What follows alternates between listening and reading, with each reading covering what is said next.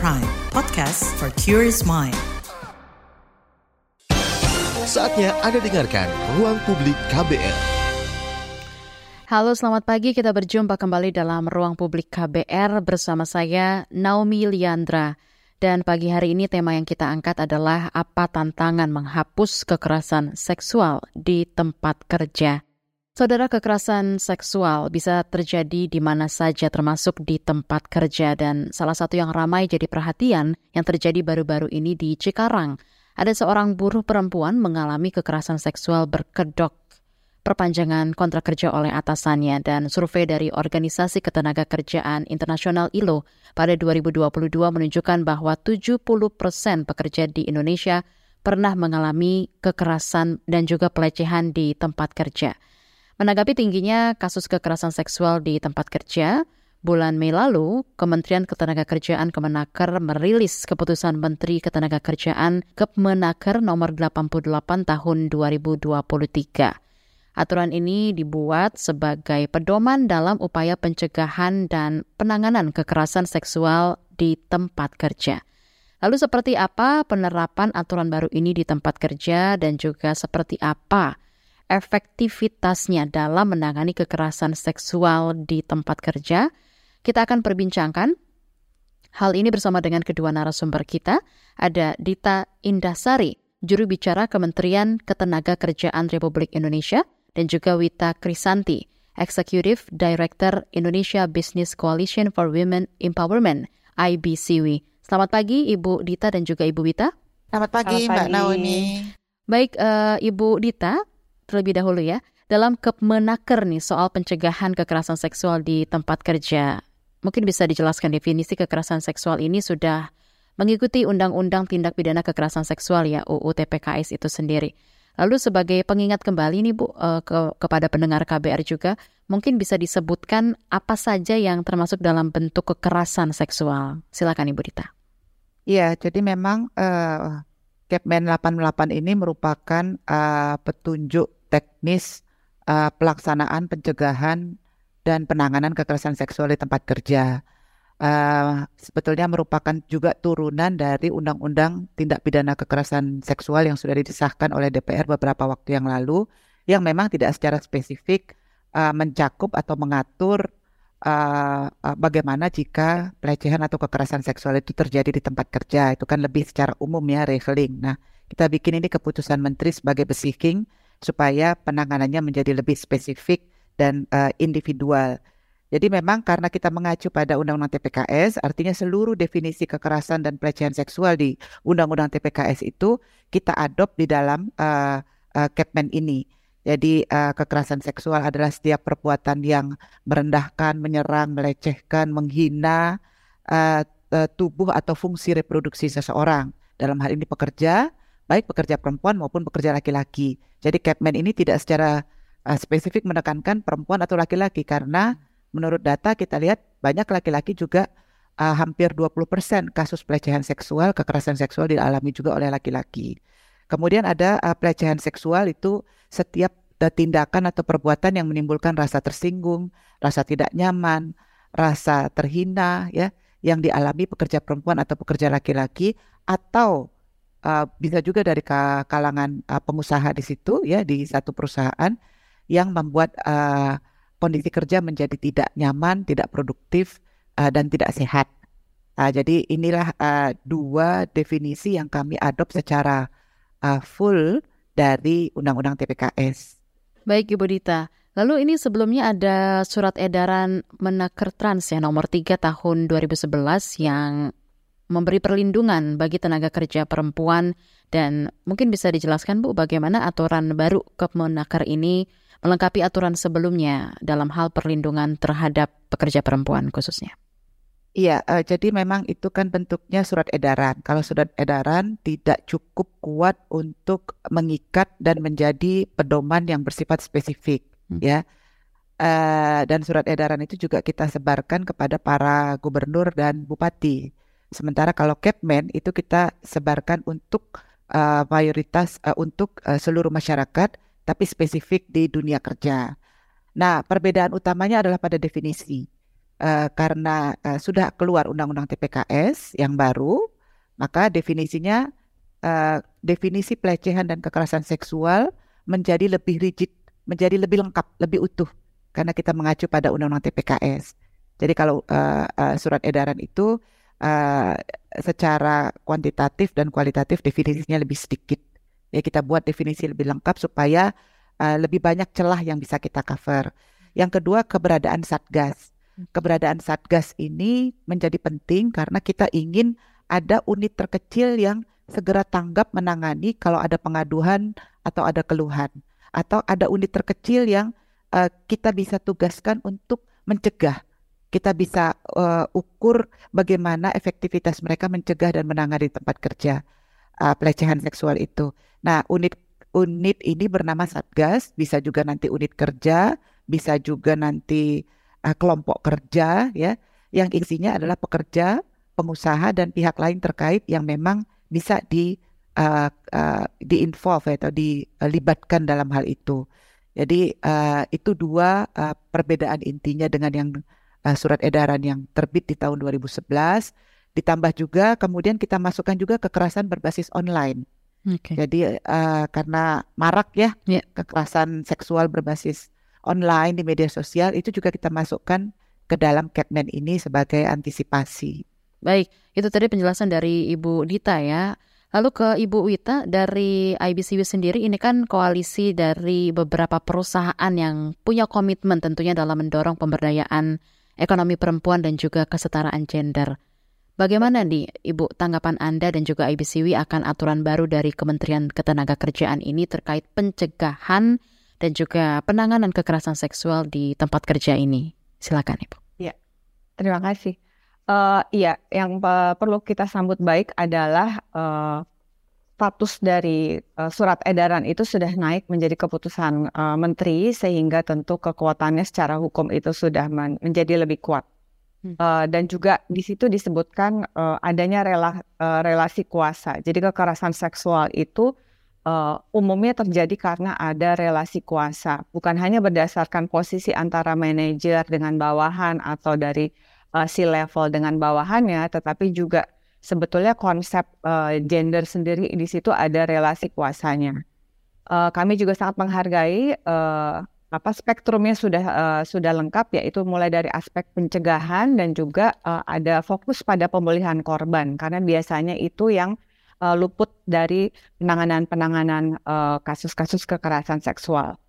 Nah, ada uh, ada beberapa catatan juga dari kami yang uh, kami anggap uh, bisa dilakukan dengan lebih baik oleh Kemenaker, uh, yaitu uh, pendekatannya itu terkesan terlalu rigid dan terlalu struktural. Jadi misalnya perlu ada RP3, perlu ada task force, perlu ada keanggotaannya gitu.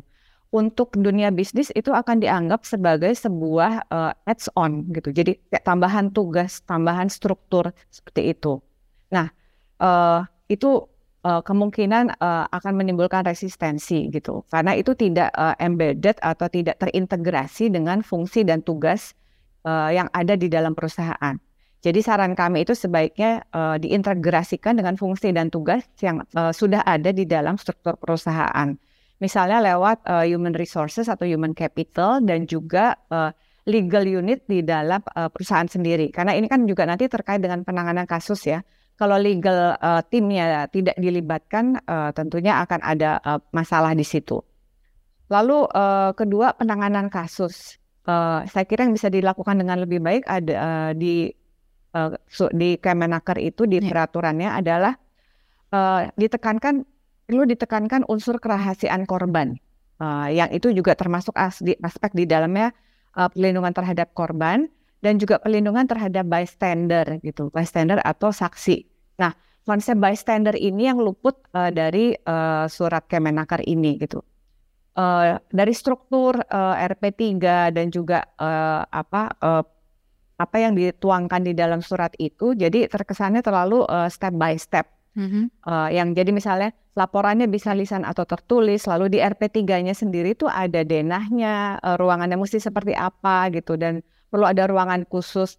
Bayangkan korban uh, datang ke ruangan itu kan itu udah seperti proklamasi ya bahwa saya korban loh gitu. Itu akan uh, membuat korban jadi discourage untuk melaporkan kasus-kasusnya. Baik. Baik, uh, uh, ya, silakan. Ya, silakan boleh dilanjutkan Ibu. Iya.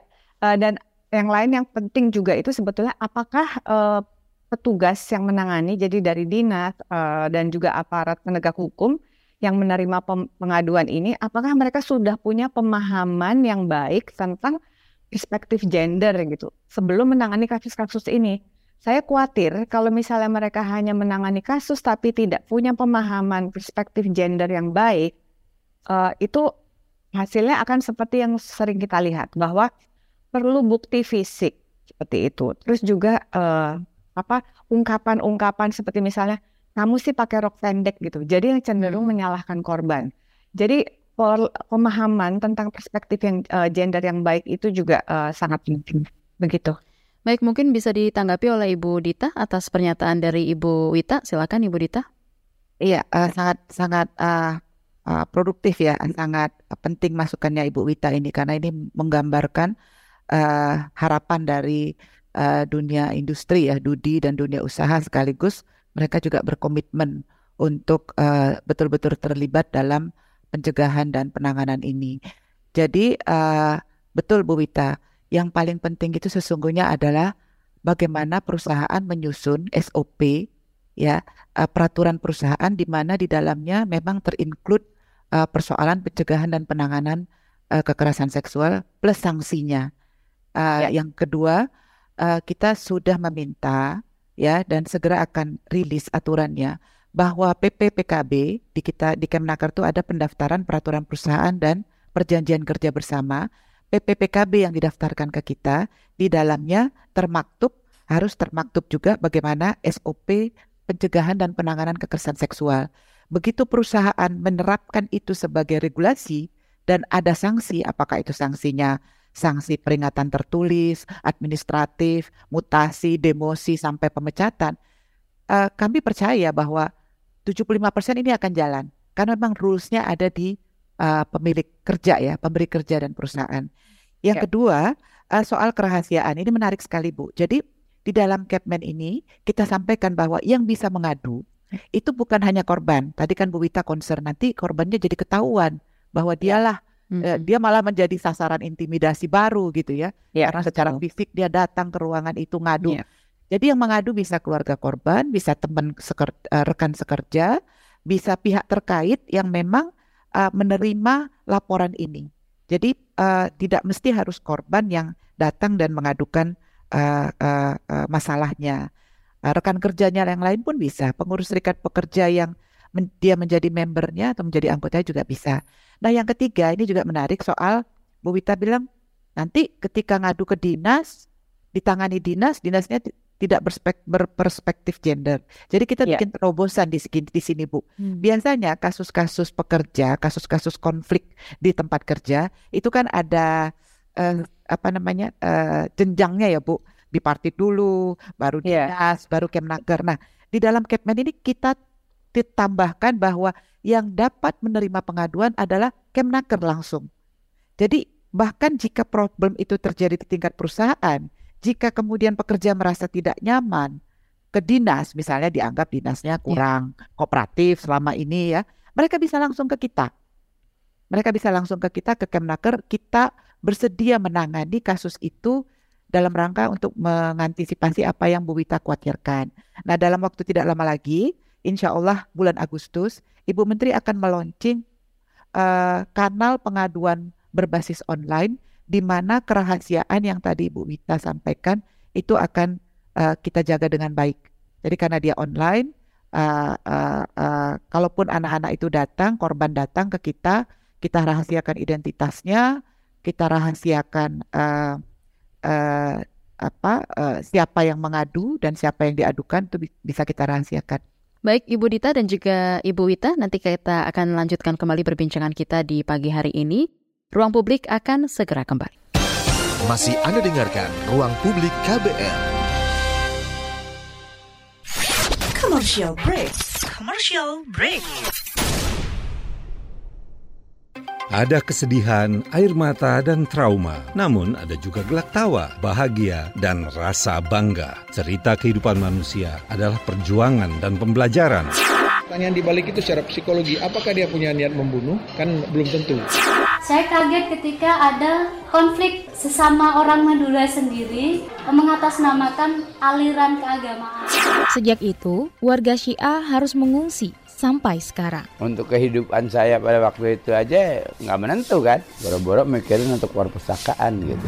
Saga, cerita tentang nama, peristiwa, dan fakta. Liputan khas KBR ini telah memenangkan berbagai penghargaan nasional dan internasional. Anda sedang mendengarkan program Saga Produksi KBR. Simak di program Buletin Pagi pukul 6 waktu Indonesia Barat, Buletin Sore pukul 16 waktu Indonesia Barat, dan KBR Pagi pukul 7 waktu Indonesia Barat. Dengarkan Saga di radio jaringan KBR di Nusantara atau streaming di kbr.id. Saga juga hadir dalam bentuk podcast di kbrprime.id. KBR Inspiratif Terpercaya. Masih Anda dengarkan Ruang Publik KBR. Kita masih berbincang bersama dengan kedua narasumber kita. Dari Kementerian Ketenagakerjaan Republik Indonesia ada Ibu Dita dan juga ada Ibu Wita dari IBCW. Baik, uh, Ibu Dita, tadi kan uh, ternyata masih banyak juga ya yang uh, dipertanyakan oleh Ibu Wita ataupun bahkan dari pihak-pihak terkait yang masih banyak mempertanyakan begitu ya. Nah, ini gimana Bu kalau nanti ke depannya di lapangan sendiri um, pemahaman masyarakat khususnya juga dengan pihak-pihak terkait itu masih masih belum dipahami atau belum mudah dimengerti oleh mereka. Seperti apa sosialisasinya di lapangan Ibu Dita sampai saat ini? Ya, uh, kita kan launching Capman 88 ini di kantor Apindo. Okay. Uh, minggu dua minggu lalu kalau tidak salah uh, bersama Ketua Umum Apindo Pak Haryadi Sukamdani dan jajaran Apindo waktu itu. Kenapa kita pilih Apindo sebagai uh, tempat untuk uh, melaunching Capman ini karena memang kuncinya ada di peraturan perusahaan dan perjanjian kerja bersama. Begitu norma norma-norma pencegahan dan penanganan seksual ini ada di peraturan perusahaan, dia menjadi norma mengikat yang uh, harus dipatuhi oleh semua orang yang ada di perusahaan itu, termasuk uh, pekerja, manajemen sampai uh, CEO bahkan owner dari perusahaan itu. Dan uh, ketika itu tidak dipatuhi, hmm. uh, jelas uh, bentuk sanksi apa yang bisa dilakukan oleh perusahaan. Jadi memang salah satu tumpuannya itu pada uh, uh, pihak perusahaan dalam uh, memanage dan mengelola uh, di internal perusahaan. Yang kedua memang karena Capman ini baru diluncurkan, tahapnya baru memang pada sosialisasi. Nah, tapi masukan dari Bu Wita tadi bagus banget. Uh, sosialisasi harus diikuti dengan training. Training uh, berperspektif gender. Jangan sampai yang menerima laporan uh, dari serikat pekerja atau dari kalangan dunia usaha atau dari dinas hmm. malah menambah beban korban gitu, bukannya menyelesaikan masalah, malah nambahi masalah gitu. Ini saya akan uh, sampaikan dalam materi training nanti, uh, sosialisasi nanti bahwa training juga uh, harus blended dengan sosialisasi, gitu. Baik Ibu Dita, lalu di aturan baru ini tadi seperti yang juga sudah sempat disampaikan oleh Ibu Wita gitu ya, ada uh, aturan yang fokus pada pemulihan korban seperti itu Bu. Nah seperti apa nih Bu sampai saat ini penanganan yang berpihak tentunya pada korban dan juga sanksi yang akan diberikan pada pelaku kekerasan di kekerasan seksual di tempat kerja Ibu Dita? Ya, uh, pemulihan itu kan bisa fisik, bisa psikis, psikologis ya, uh, dan ini juga belum banyak diketahui oleh teman-teman uh, uh, SP ya, semua serikat pekerja bahwa uh, pelecehan seksual, kekerasan seksual itu menjadi coverage jaminan di uh, jaminan kecelakaan kerja di BPJS Ketenagakerjaan.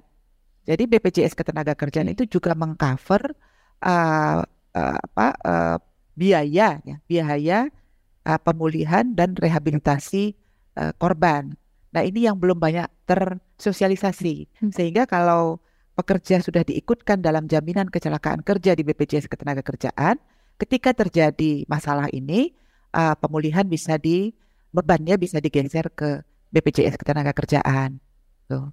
Baik Ibu Dita itu tadi penjelasannya. Lalu ke Ibu Wita, Ibu Wita, seperti apa dari IBCW sendiri melihat saat ini penanganan dan juga pemulihan korban ketika kasus kekerasan seksual ini sudah terjadi di tempat kerja menurut Anda, Ibu? Silakan.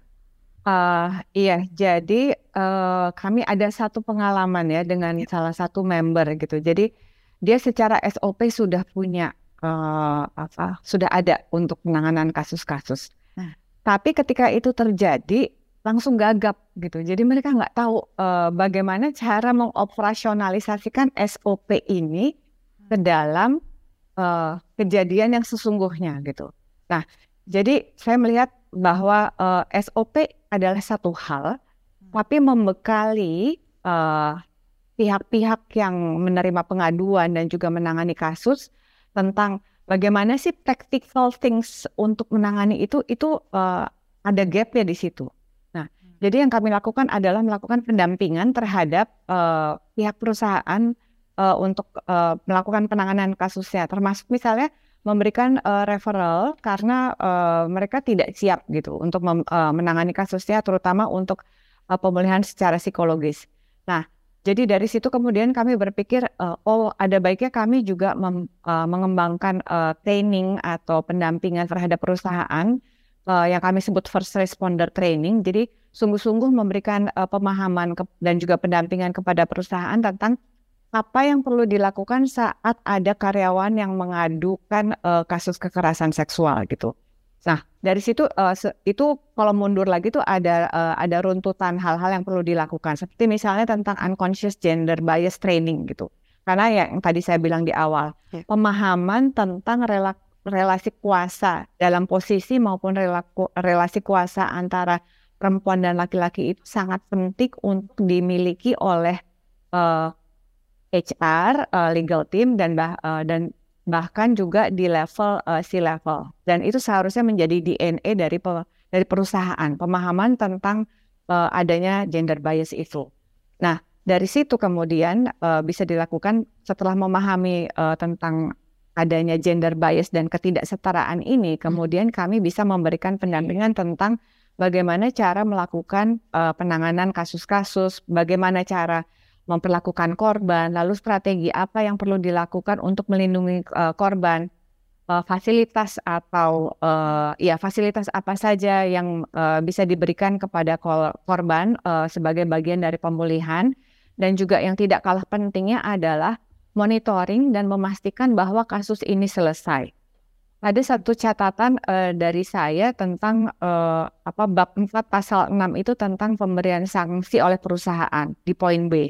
Di situ disebutkan bahwa pemberian sanksi oleh perusahaan harus sesuai dengan bentuk kekerasan seksual yang dilakukan uh, oleh pihak yang diadukan. Itu saya agak uh, gimana ya gitu. Ya, Jadi ya, apa ya. apakah ada klasifikasinya, ada kategorinya. Jadi kalau kalau disuitin sanksinya mungkin hanya surat teguran gitu. Kalau dicolek uh, sanksinya adalah SP1 kayak gitu. Buat saya itu nggak bisa begitu.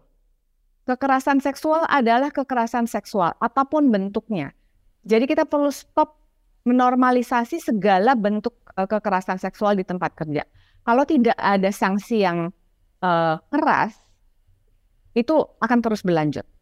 Begitu. Baik, Ibu Wita dan juga Ibu Dita sudah tersambung melalui telepon bebas pulsa KBR dari Jakarta. Ada Ibu Tri. Selamat pagi, Ibu Tri. Iya, selamat pagi. Terus terang ini perbincangan yang sangat-sangat uh, memberi apa ya masukan dan memberikan informasi yang sangat uh, banyak sekali. Saya senang sekali mendengarkan uh, ruang publik di pagi ini. Tapi yang uh, mau saya tanyakan kepada Ibu Dita ya yang dari Kemenaker itu.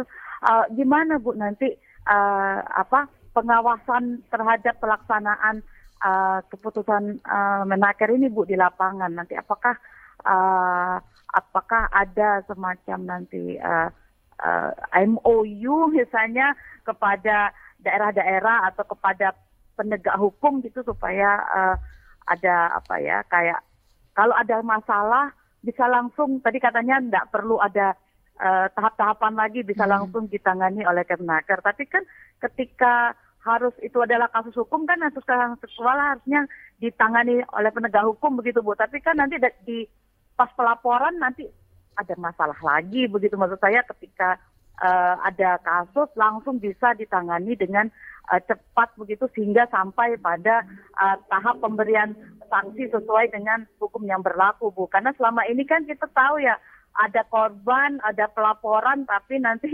di ketika melapor ada aja malah jadi korban lagi ditanyai macam-macam lalu uh, pe, uh, korban takut dan segala. Jadi kalau ada semacam jalur apa jalan pintas gitu kali ya Bu ya uh, yang bisa dibuat begitu itu akan sangat membantu untuk bisa membuat para korban ini mendapatkan hak-haknya begitu. Uh, saya kira itu saja Bu. Terima ya, kasih ya, banyak. Terima kasih Ibu Tri yang ada di Jakarta. Nanti akan coba dijawab oleh Ibu Dita setelah pesan-pesan berikut ini di ruang publik KBR dengan tema kita apa tantangan menghapus kekerasan seksual di tempat kerja. Akan segera kembali. Masih Anda dengarkan ruang publik KBR. Yuk follow social media KBR. Twitter at Berita KBR, Instagram at KBR.id, Youtube Berita KBR. Masih Anda dengarkan Ruang Publik KBR. Masih berbincang bersama dengan kedua narasumber kita dari Kementerian Ketenagakerjaan Republik Indonesia ada Ibu Dita dan juga dari IBCW ada Ibu Wita. Baik, tadi sebelum break sudah ada penelpon dari Jakarta Ibu Tri yang menanyakan gimana pengawasan terhadap pelaksanaan keputusan dari Kemenaker di lapangan. Apa adakah MOU ke depannya? Silakan Ibu Dita ditanggapi. Iya, uh, jadi yang pertama begini Bu, uh, kekerasan seksual atau pelecehan seksual di tempat kerja ini kan ada uh, ekses hukumnya ya. Ini kan uh, perbuatan pidana. Nah, karena dia perbuatan pidana, maka uh, yang menerima pengaduan itu adalah PPNS eh, ketenaga kerjaan, penyidik pegawai negeri sipil. Jadi pengawas ketenaga kerjaan yang memang statusnya sebagai penyidik. Nah, karena dia penyidik, maka uh, seluruh hasil uh, penyidikannya itu akan segera bisa diserahkan kepada polisi. Jika memang korban uh, tidak atau belum mau langsung ke polisi. Jadi kita menyediakan satu juga kanal selain penegakan aturan di tempat kerja juga uh, uh, model penyelesaian masalah hukumnya karena memang ada aparat penyidik pegawai negeri sipil pengawas kami yang memang uh, bisa melakukan penyidikan yang tentu saja kemudian tetap diteruskan kepada polisi. Nah, uh, kedua memang karena aturan ini masih baru, Putri, jadi sementara pemahaman para dinas tenaga kerja kan pasti juga tidak sama. Ada dinas tenaga kerja yang mungkin kalau dia perempuan, ya ibu kepala dinasnya perempuan, dia bisa lebih aware, lebih sensitif. Tapi uh, mungkin juga yang lain belum mendapatkan uh, seperti tadi Bu Wita yang Bu Wita harapkan gender sensitivity ya, sensitivitas gender terhadap khususnya terhadap korban. Nah jadi memang uh, kami akan segera uh, dan sekarang sedang ya melakukan sosialisasi dan kita masukkan juga usulan Bu Wita tadi training berbasis gender supaya ketika orang mengadu itu tidak mengalami masalah baru. Tapi makanya kami masukkan satu kanal Butri langsung pengaduan ke Kemnaker supaya ketika kanal-kanal yang ada itu dirasakan kurang serak bagi korban, mereka bisa langsung mengadu ke kami, ke Kemnaker. Itu. Baik Ibu Dita. Lalu dari sisi Ibu Wita, kalau untuk saat ini seperti apa Bu ketika perusahaan menerima laporan gitu kekerasan seksual? Seperti apa yang diambil langkahnya? Uh, iya, uh, yang tadi saya ceritakan itu jadi memang uh, masih ya itu tadi masih ada kegagapan ya untuk menerima kasus-kasus uh, seperti itu atau menangani kasus-kasus seperti itu gitu. Cuman memang uh, dari para members IBCW belum uh, belum terlalu banyak Eh, kasus-kasus uh, yang diterima meskipun belum tentu berarti ada tidak ada kasus ya gitu. Hmm. Jadi kami mengambil langkah proaktif untuk langsung uh, memberikan asistensi atau pendampingan kepada perusahaan-perusahaan untuk bisa mulai mempertimbangkan membuat kebijakan dan juga SOP terkait dengan uh, apa pencegahan uh, kekerasan seksual di tempat kerja seperti itu. Jadi bagaimana caranya itu dimasukkan ke dalam peraturan perusahaan Lalu tadi yang sudah uh, saya sampaikan juga memberikan uh, training uh, terutama kepada human resources atau human capital uh, dan juga nextnya nanti dengan legal team karena mereka adalah garda depan di dalam penanganan kasus-kasus seperti ini. Lalu sebetulnya juga yang tidak kalah pentingnya itu adalah uh, memberikan pelatihan tentang uh, unconscious gender bias ini kepada pihak uh, jajaran direksi begitu. Hmm. Uh, ya apa? Kita lihat bahwa uh, jajaran direksi itu masih sangat didominasi oleh laki-laki. Iya. Uh, dari survei yang dilakukan uh, IBCW bersama dengan IDX tahun 2022 terhadap 200 emiten terbesar uh, eh, IDX itu hanya 8 dari 200 perusahaan yang memiliki CEO perempuan. Sementara uh, hanya 15% dari 200 perusahaan itu yang memiliki uh, yang ada perempuan di posisi fungsional dan juga manajerial ke atas. Ya itu menunjukkan bahwa uh, ini permasalahannya kompleks gitu. Ya. Jadi kekerasan seksual itu sebetulnya adalah akibat dari tidak adanya kesetaraan gender di dalam masyarakat kita, termasuk di tempat kerja. Jadi sekali lagi ya yang saya nggak akan bosan tekankan pentingnya pemahaman tentang kesetaraan gender di tempat kerja. Hmm. Kalau tadi Budita bilang kepala dinasnya perempuan, jadi mungkin lebih punya sensitivitas. Pengalaman saya mengatakan sebaliknya. Ah, perempuan belum iya, iya perempuan belum tentu juga dia uh, lebih sensitif terhadap gender. Oke, oke, gitu, Bu. Oke, oke, oke.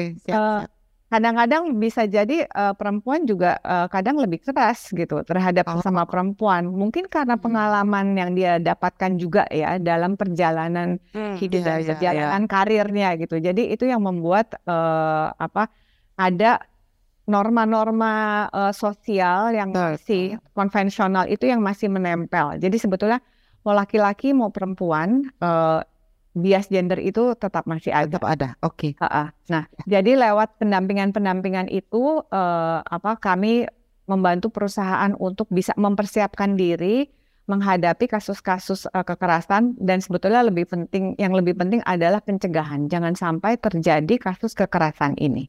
Begitu. Baik. Ya. Terima kasih Ibu Wita atas tanggapannya. Lalu kita ke Ibu Dita lagi ya.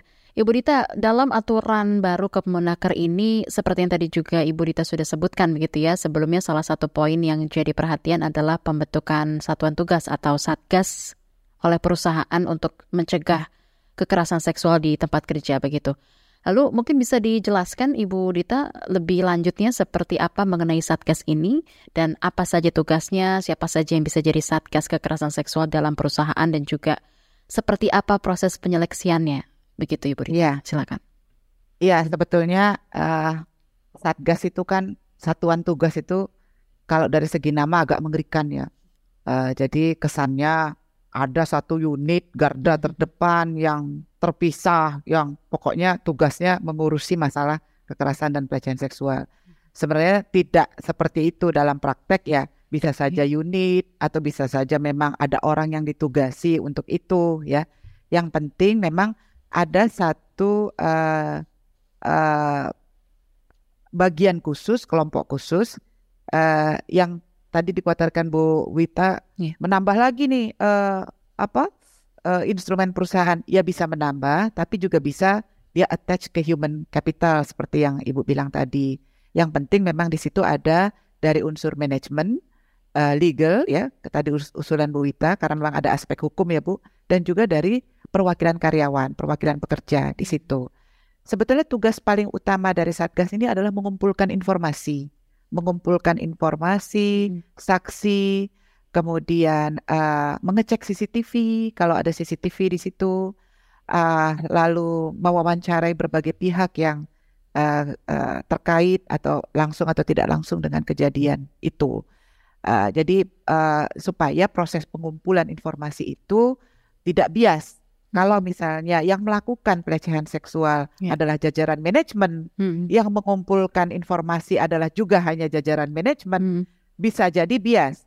Yang melakukan misalnya yang melakukan pelecehan seksual adalah pimpinan serikat pekerja, yang melakukan kemudian yang menyelidiki juga anggotanya kan bias. Ya. Jadi kemudian ada perwakilan dari dua unsur itu di dalam uh, apa yang disebut satgas atau apa pun namanya nanti di tempat kerja supaya berimbang informasi yang dikumpulkan. Oke, baik Ibu Dita dan juga Ibu Wita. Kita mulai baca beberapa komentar yang sudah masuk dan juga pertanyaan yang sudah masuk di channel YouTube Berita KBR. Ada Bapak Yuan Pedro. Prosedur recovery korban dengan menggunakan BPJS Ketenagakerjaan apakah sama dengan kecelakaan kerja? Harus ke trauma center? Mohon ditanggapi Ibu Dita. Oh iya, ya pertama uh, jelas kemudian memang untuk klaim jaminan kecelakaan kerja ini hmm ada uh, uh, rekomendasi atau uh, surat dari uh, pihak perusahaan juga bahwa benar uh, yang bersangkutan mengalami uh, apa, uh, problem fisik atau psikologis atau psikis akibat dari uh, persoalan uh, pelecehan atau kekerasan seksual yang dialami. Nah berbekal itu uh, memang ada rekomendasi itu, kemudian uh, kita bisa ajukan ke BPJS Ketenagakerjaan. Kemudian BPJS Ketenagakerjaan juga akan mereview, melihat uh, case-nya, sehingga nanti dalam uh, proses pengobatannya atau rehabilitasinya itu sepenuhnya bisa ditanggung oleh uh, BPJS Ketenagakerjaan. Bahkan untuk jaminan kecelakaan kerja, sampai si korban pulih, itu BPJS Ketenagakerjaan juga bisa menanggung penghasilannya sampai si korban pulih dari rehabilitasi. Jadi ini juga satu pelayanan yang kita perlu sosialisasikan ya supaya pihak perusahaan juga nggak merasa berat nanti hmm. karena proses rehabilitasi psikologis itu kan bisa lama ya bu uh, karena ukuran kesembuhannya kan juga uh, berbeda dengan rehabilitasi fisik ya nah ini uh, BPJS Ketenagakerjaan bisa menanggung uh, uh, penghasilan maupun uh, uh, biaya rehabnya sampai sembuh. Oke, baik Ibu Dita, terima kasih atas jawabannya mudah-mudahan menjawab pertanyaan oleh Pak Iwan dan juga orang yang juga bertanya Iwan. sama gitu ya dengan Pak Iwan. Oke baik kita baca dari WhatsApp uh, di Semarang ada Ibu Tika komentarnya seperti ini ya Ibu Dita dan juga Ibu Wita membangun pola pikir yang tidak bias gender dan menghargai orang lain sejak dari keluarga itu penting. Jadi ketika dewasa punya perspektif gender. Baik, uh, oke okay, lanjut lagi dari Depok ada Bapak Wahyu Selama ini kita tahu korban kekerasan seksual sulit dapat keadilan dan pemulihan. Seperti apa aturan Menteri Tenaga Kerja bisa memberi pembeda? Nanti akan kami lanjutkan, tentunya tetaplah di Ruang Publik KBR. Masih Anda dengarkan Ruang Publik KBR. Commercial break. Commercial break. Transfer ke sini udah, bayar ini juga udah. Ke gue udah. Heh, Allah, pertumbuhan ekonomi tuh lagi melambat, persis kayak tabungan gue. Betul banget, harus matang ngelola keuangan. Pengennya tuh investasi sesuatu gitu ya. Apa gitu yang cocok dan menguntungkan? Hmm, coba dengerin uang bicara deh. Gue belakangan lagi dengerin podcast itu di KBR Prime reksadana yang tadinya 500 juta udah turun dari 250 juta sekarang 10 ribu. Sama kita ngopi mahalan mana? Ketika itu ada keputusan yang kayak begitu investor harus tahu gitu oh ada keputusan ini berarti implikasinya apa? Orang mungkin perluas literasi kamu lewat podcast Uang Bicara. Uang Bicara menavigasi kamu dengan menghadirkan bahasan-bahasan seru dan populer mulai dari investasi sampai kebijakan. Dipersembahkan oleh KBR Prime dan bisa didengarkan di KBR Prime, Spotify, dan platform mendengarkan podcast lainnya. KBR Prime, podcast for curious mind. Masih Anda dengarkan Ruang Publik KBR. Ya, kita sudah berada di siaran akhir ruang publik KBR pagi hari ini dengan tema kita yaitu apa tantangan menghapus kekerasan seksual di tempat kerja. Bersama dengan kedua narasumber kita ada Ibu Dita dari Kementerian Ketenagakerjaan Republik Indonesia dan juga dari IBCW ada Ibu Wita. Baik Ibu Dita dan juga Ibu Wita, tadi seperti yang sudah dibacakan sebelumnya ada komentar dan juga pertanyaan dari pendengar kita. Dan berulang kali tadi Ibu Wita juga mengatakan bahwa pentingnya perspektif gender dipahami oleh uh, setiap dari kita begitu ya Bu ya. Bagaimana tanggapan dari Ibu Wita menanggapi komentar dan juga pertanyaan dari kedua pendengar kita ini. Silakan dari Ibu Wita terlebih dahulu.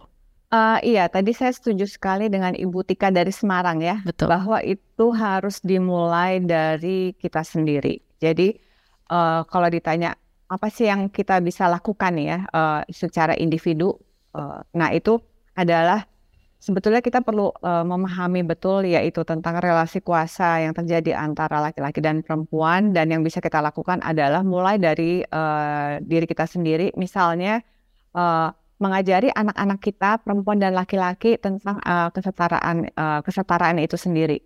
Jadi jangan lagi tugaskan anak perempuan untuk nyapu dan anak laki-laki untuk cuci mobil gitu. Berikan tugas uh, yang uh, adil kepada anak laki-laki dan perempuan uh, misalnya anak laki-laki itu juga harus bisa masak karena masak masak itu bukan tugas anak perempuan saja tapi masak ya. itu life skills.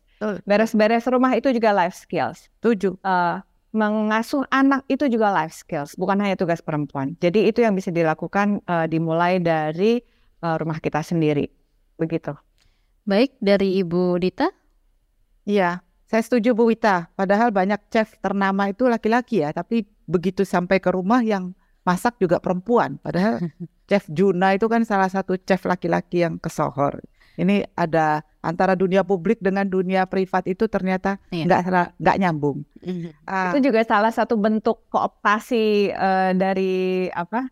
Dari patriarki ke uh, terhadap perempuan. Jadi kalau belum menghasilkan uang itu masih ranah perempuan. Oh, oke okay, oke okay, oke. Okay. Ada uh, monetary issue uh, uh, atau monetary bisa. itu akan diambil oleh laki-laki. Oh. Itu banyak terjadi di UMKM perempuan. Oh, oke oke oke ya ya ya. Ini ini Baik. masukan baru dari Bu Wita nih bagus nih. Silakan. Mungkin uh, bisa ditanggapi dari pertanyaan yang sudah masuk tadi uh, seperti apa aturan Menteri Tenaga Kerja bisa memberi pembeda, Bu. Selama ini kan kita tahu korban kekerasan seksual sulit dapat uh, keadilan dan juga pemulihan. Hmm. Bisa ditanggapi oleh Ibu Dita, nanti ditambahkan oleh Ibu Ita. Silakan. Iya, jadi ketika kita mewajibkan, ketika nanti ada pendaftaran PP eh, peraturan perusahaan atau perjanjian kerja bersama, uh, ada eh, SOP atau pasal-pasal klausul yang khusus membahas soal penanganan dan pencegahan serta sanksi dari tindak tindak pidana ya seksual ini. Yang kedua pembedanya tentu karena definisinya lebih luas, Pak Wahyu. Jadi kita berharap uh, celah yang celahnya bisa ditutup, celah untuk uh, berkelit atau mengatakan ini bukan pelecehan, uh, tapi karena definisinya banyak, jadi uh, susah untuk uh, lepas lah kita harapkan susah untuk lepas dari itu. Terus yang ketiga memang ada orang-orang yang uh, ditugaskan untuk menangani hal itu di tingkat perusahaan. Karena ini tempat kerja kan. Kalau sebelumnya kan nggak ada ya tergantung dari polisi perusahaan aja tergantung dari kekuatan serikat pekerja aja. Kalau dua-dua nggak sadar, dua-dua nggak nggak nggak care, ya si korban kemudian berakhir resign, mundur. Uh, uh, jadi sangat bergantung pada masing-masing uh, uh, pihak. Tapi kalau sekarang memang ada uh, tim atau unit khusus yang bertugas untuk menangani itu, sehingga diharapkan korban tidak memilih memilih jalan resign. Biasanya korban ini sudah jadi korban, hmm. dia malu, nggak ditangani, dia mundur. Jadi sudah kehilangan martabat, kehilangan pekerjaan pula, ya. Nah, sementara si pelaku ya uh, tidak di tidak diberi sanksi apa-apa. Nah, kita harapkan itu bisa uh, terjadi. Yang terakhir juga kita masukkan kekerasan berbasis online. Jadi ini marak sekali di media ya. sosial. Yeah. Uh, komentar-komentar serangan dan sebagainya yang orang bisa ngetik apa saja tanpa mikir, jempolnya lebih cepat daripada uh, otaknya berpikir gitu loh. Dia tidak me, tidak mengkalkulasi bahwa ini bisa mengakibatkan orang secara pribadi sangat sangat terhina ya. Uh, uh, bahwa ada undang-undang ITE ya betul. Tapi uh, uh, tidak semua kasus-kasus ini bisa dibawa ke undang-undang ITE kalau memang bisa masuk ke ranah uh, ketenaga kerjaan dan ranah hukum pidana ya kenapa tidak itu jadi kita siapkan juga toolsnya hmm. uh, uh, regulasinya supaya bisa mencakup kekerasan berbasis online. Baik Ibu Wita silakan Iya, jadi uh, sebetulnya juga kalau dari harapan saya ya uh, apa ini nggak saya nggak bosen-bosen uh, mengingatkan pihak pihak-pihak yang uh, terlibat di dalam uh, pencegahan, penanganan uh, dan uh, pengaduan kasus ini itu sangat penting sekali untuk bisa uh, memiliki perspektif gender gitu. Apa Indonesia ini luas sekali begitu. Nah, kalau misalnya ini hanya dipahami oleh semua uh, instansi yang di Jakarta, itu percuma gitu. Karena kita sering sekali mendengarkan bahwa polisi justru menjadi uh, pelaku kekerasan seksual. Iya. Terus uh, ada waktu itu kasus uh, perkosaan anak di Luwu Timur, dinas PPA-nya yang justru tidak bisa meneri, uh, apa, menerima pengaduannya, malah uh, menambah masalah bagi keluarga si korban itu. Jadi itu benar-benar uh, perlu dipastikan bahwa seluruh aparat, seluruh instansi yang terlibat di dalam uh, pencegahan, penerimaan pengaduan dan penanganan kasus serta monitoringnya ini memiliki perspektif gender yang baik begitu. Nah, selain itu juga uh, sebetulnya satu hal yang uh, missing itu adalah sanksi apa yang diberikan oleh uh, pemerintah atau negara terhadap perusahaan-perusahaan yang tidak uh, melakukan penanganan kasus dengan baik seperti itu. Itu yang saya belum lihat. Uh, waktu itu saya sampai pernah dengar begini, uh, pengusaha atau perusahaan itu lebih takut pada buyers atau pada investornya ketimbang pada pemerintah. Hmm. Nah, kalau saya jadi pihak pemerintah, uh, nggak bisa gitu dong, gitu. Karena uh, apa yang terjadi da di dalam perusahaan itu uh, pada uh, pada saatnya akan ada impactnya pada negara, gitu. Kalau misalnya partisipasi perempuan di dalam ekonomi itu rendah, ujungnya negara juga yang akan merasakan uh, akibatnya gitu. Kalau misalnya ekonomi hanya ditopang oleh laki-laki saja, itu kan akan uh, berat begitu. Kalau perempuannya bisa berpartisipasi aktif dalam ekonomi, uh, terutama yang formal, itu ambisi Indonesia untuk bisa maju menjadi uh, ekonomi terbesar uh, masuk dalam lima uh, ekonomi terbesar di dunia tahun 2045 bisa tercapai. Nah, jadi di sini negara perlu juga punya gigi di dalam uh, monitoring dan memastikan uh, kasus ini tuntas dan ada sanksi bagi perusahaan yang tidak uh, menangani kasus-kasus ini dengan baik. Begitu. Baik, itu tadi tanggapan dari Ibu Wita dan juga Ibu Dita karena waktu juga sudah sangat terbatas sekali terakhir nih dari Ibu Dita dan juga Ibu Wita yang mau disampaikan untuk pendengar dan juga pihak-pihak yang sedang mendengarkan siaran ruang publik pagi hari ini. Silakan dari Ibu Wita ditutup oleh Ibu Dita. Uh, kalau pesan dari saya, marilah kita uh, stop menormalisasi kekerasan seksual ini baik di tempat kerja maupun di ruang publik. Uh, karena dampaknya itu uh, besar. Jadi apa yang terjadi di tempat kerja itu akan terefleksikan di ruang private dan begitu juga sebaliknya. Jadi uh, marilah kita stop normalisasi ini dan semua punya peran yang sama atau punya peran di dalam memastikan bahwa uh, kita bisa mencegah terjadinya kekerasan seksual dan kita perlu juga uh, proaktif bila uh, untuk melakukan tindakan bila kita melihat uh, ada kekerasan seksual yang terjadi di tempat kerja. Terima kasih. Baik, dari Ibu Dita silakan. Iya, jadi eh, masalah pelecehan isu pelecehan seksual ini adalah isu yang membuat perusahaan dan serikat pekerja bergandengan tangan. Biasanya serikat pekerja dan perusahaan itu eker-ekeran. Ya soal upah, ya soal uh, macam-macam ya, lembur dan sebagainya. Nah, untuk isu ini mereka satu suara bahwa uh, mereka tidak bisa terima ini dan bahkan nanti dalam prakteknya akan bekerja bersama di tempat kerja itu. Jadi uh, ini sebetulnya satu uh, uh, sinyal yang baik. Pada akhirnya memang semua pihak harus gotong royong bahwa ada isu-isu lain yang kita tidak sepakat, saling tidak sepakat, tapi untuk isu perlindungan uh, dan pencegahan kekerasan seksual, semua sepakat bahwa ini harus dihentikan dan ditangani dengan tegas. Baik, terima kasih untuk kedua narasumber kita pagi hari ini. Tentunya semoga bisa menjawab uh, topik kita di pagi hari ini, apa tantangan menghapus kekerasan seksual di tempat kerja. Terima kasih untuk Ibu Dita Indahsari, juri bicara Kementerian Ketenagakerjaan Republik Indonesia, dan juga terima kasih untuk Ibu Wita Krisanti, Executive Director Indonesia Business Coalition for Women Empowerment, IBCW. Akhirnya saya, Naomi Liandra, pamit undur diri di ruang publik KBR. Selamat pagi dan sampai jumpa. Baru saja Anda dengarkan Ruang Publik KBR. KBR Prime, cara asik mendengar berita. KBR Prime, podcast for curious mind.